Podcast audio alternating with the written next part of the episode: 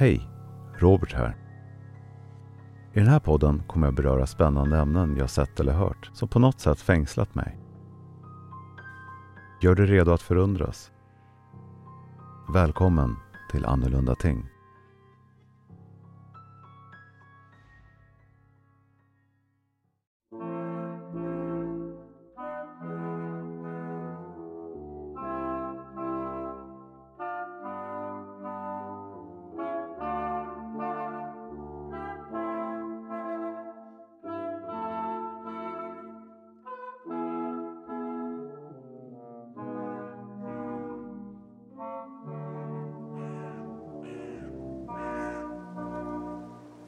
Edinburgh. En novembernatt. År 1754. Två professionella liktjuvar hade förberett jobbet på bara sex timmar. De hade fått nys om en mansperson som dött och nyligen begravts. Temperaturen låg strax över nollstrecket och omständigheterna var optimala för att tjäna pengar. För att lyckas med jobbet hade de betalat en tjänsteman i kyrkan för tipset och för att ingen skulle störa dem. De var nu framme. Fullmånen lyste på kyrkogården och skuggorna från de lövfattiga trädens grenar ringlade sig över marken. Det enda som hördes var liktjuvarnas spadar och kraxande fåglar. Liktjuvarna arbetade snabbt, professionellt och i total tystnad.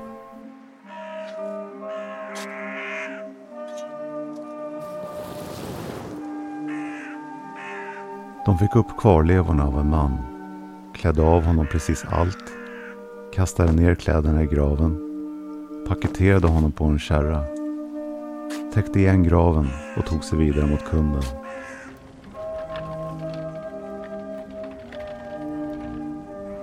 En läkarstudent.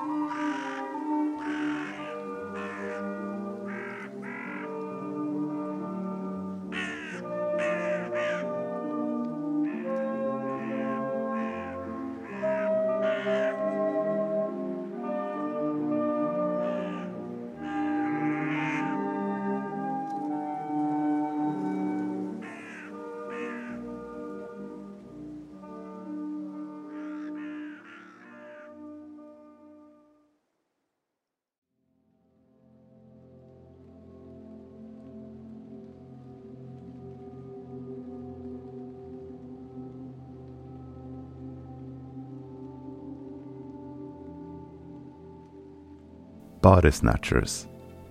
Liktjuvar. Vad är det för fenomen?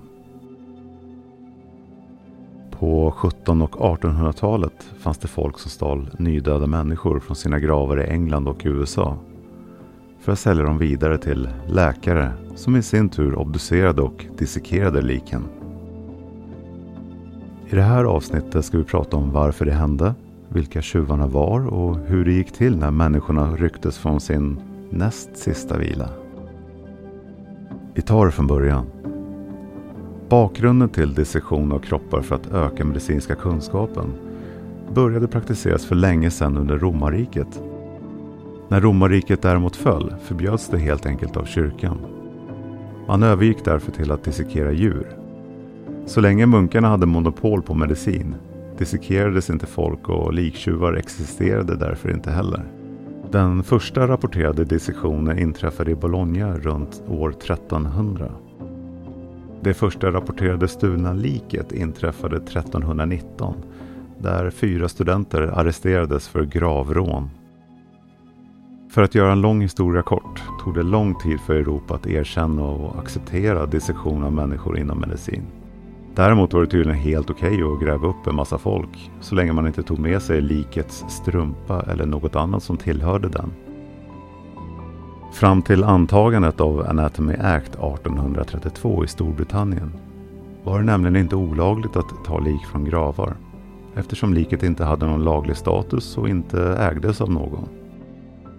Det som däremot var olagligt var dissektion av liken och stöld av andra föremål från graven än själva liket. Anledningen till att kroppar stals överhuvudtaget går att härleda till vilka som rent lagligt gick att använda för medicinsk dissektion. Avrättade brottslingar. Det var med andra ord inte många kroppar som man som läkarstudent kunde gräva i. Efterfrågan på kroppar växte i takt med att antalet anatomiprofessorer, kirurger och medicinska studenter ökade under 1700 och 1800-talet. Läkarna och läkarstudenterna som köpte liken var knappast intresserade av varifrån kropparna kom utan köpte det som var tillräckligt fräscht för dissektion.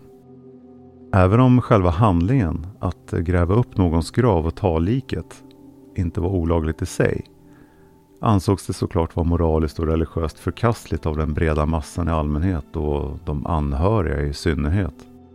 Även dissektionen i sig var nästan lika förkastlig då medicin inte blev accepterad förrän i eh, slutet av 1800-talet. På 1700-talet sågs dissektionen som ett hemskt brott. Den som greps för att ha dissekerat någon riskerade att bli avrättad. Men vilka var liktjuvarna?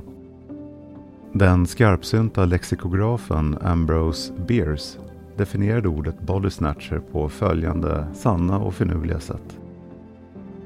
Body snatcher är en som förser de unga läkarna med det som de gamla läkarna har försett begravningsentreprenören. I själva verket fanns det enligt uppgift ett antal olika typer av individer som av de flesta anledningar fixade lik till läkare för en sak. Pengar. Hur som helst.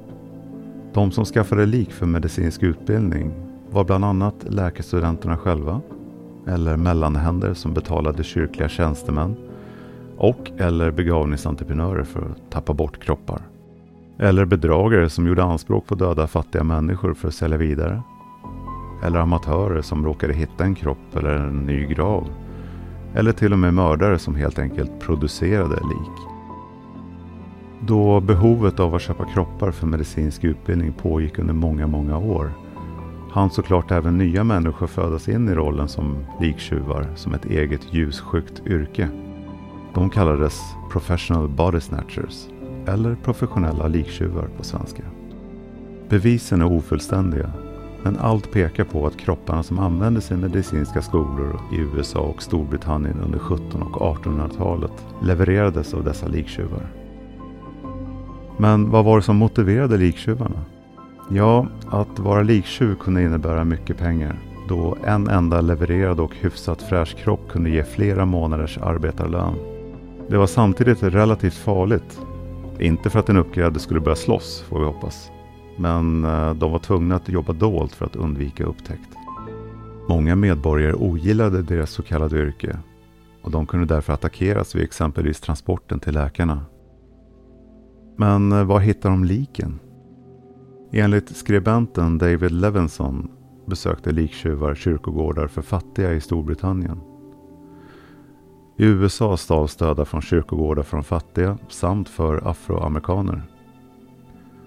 Enligt honom är det även möjligt att judiska kyrkogårdar var populära eftersom judiska sedvänjor föreskriver begravning inom 24 timmar efter döden. De fattigas gravar var däremot populära då det var osannolikt att de skulle bevakas. Liktjuvar arbetade vanligtvis på natten och i team. De föredrog gravar som nyligen täckts med jord för att det inte skulle upptäckas att de grävt på platsen. De grävde sällan upp en hel kista utan grävde istället en vertikal tunnel ner till själva kistan. Där bröt de upp locket och hissade upp människan med exempelvis rep eller en lång metallkrok. Kläderna däremot lades tillbaka i kistan och graven fylldes igen med jord för att ingen skulle märka något. Vad sa läkarna själva om det här? En anatomiprofessor i Dublin pratar med sina läkarstudenter efter ett känt dödsfall av en storväxt jätte vid namn Corny McGrath. Professorn sa, Mina herrar, jag har fått höra att några av er i er iver har övervägt att bära bort kroppen. Jag ber er uppriktigt att inte tänka på något sådant. Men om ni så skulle ryckas med er önskan om vetskap om att ni således mot min uttryckta önskan framhärdar att göra det, vill jag att ni kommer ihåg att om ni bara tar kroppen så finns det ingen lag varigenom ni kan beröras. Utan om ni så mycket som tar en trasa eller en strumpa med, då pratar vi däremot hängning. Vad tyckte anhöriga om det här? Det var vanligt med liktjuveri intill medicinska skolor som exempelvis Edinburgh, London och Philadelphia. Det här visste anhöriga till de döda och gjorde därför allt de kunde för att inte just deras avliden släkting skulle tjuvas på natten, då själva handlingen länge inte varit olaglig. Det finns historier om påhittiga åtgärder för att skydda den här kroppen. Vissa hyrde vakter som vakade över gravarna. Vissa reste metallburar runt gravarna. Andra använde gravvalv eller la metall eller tunga träplankor över kistan. En del använde till och med järnkistor samt fyllde gravar med tunga stenar. Det hände även att man byggde höga murar in till kyrkogårdar med fastlimmat krossat glas längst upp på muren. Enligt uppgift ska man även ha fäst snurrlinor med vapen för att skydda mot intrång på kyrkogården. En känd liktjuvsmördare. Den som blivit mördad för att säljas till läkarstudenter kallades för att ha blivit burked. Uttrycket kom efter William Burke, en irländsk skomakare som hängdes och dissekerades 1829 för sin roll i att mörda och sälja minst 16 personer i Edinburgh. Mord för att få anatomiska prover har dokumenterats på andra håll i Storbritannien och i Cincinnati, Ohio, Baltimore och Maryland i USA. Mord var inte alltför vanligt men eh, det skapade en ilska hos allmänheten och påverkade därmed lagstiftningen som normaliserade och reglerade anskaffning av lik. Tror ni att man kan beställa en metallbur på nätet?